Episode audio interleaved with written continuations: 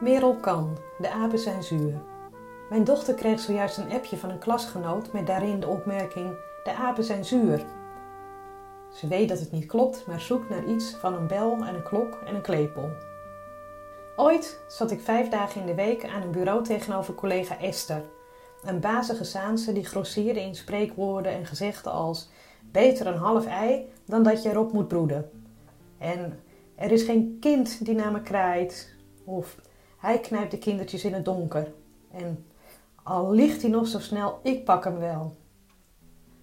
Door de stelligheid waarmee ze haar wijsheden rondstrooide, duurde het vaak even voor ik doorhad waar het aan schortte. Soms probeerde ik haar te verbeteren. Uh, als de kat van huis is, danst hij niet onder tafel, maar dansen de muizen. Dat stelde ze niet op prijs. Ja, smartass, jij hebt het ei van Columbus zeker uitgevonden. Er zaten pareltjes tussen die ik keurig noteerde in een zwart boekje, maar op papier zagen ze er vergezocht en ongeloofwaardig uit. Ik besloot niet op zoek te gaan naar een uitgever.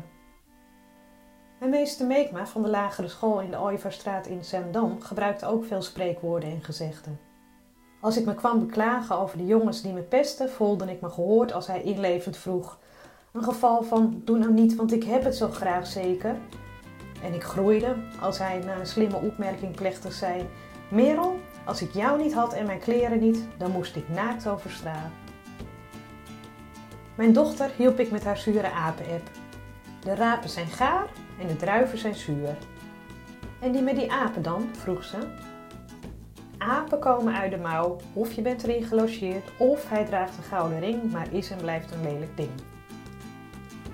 Spreekwoorden en gezegden verrijken onze taal. En misschien ligt het aan mij, maar ik hoor er steeds minder. Het appje van het klasgenootje van mijn dochter, fout of niet, maakte me dus zo blij als een hond met zeven lullen.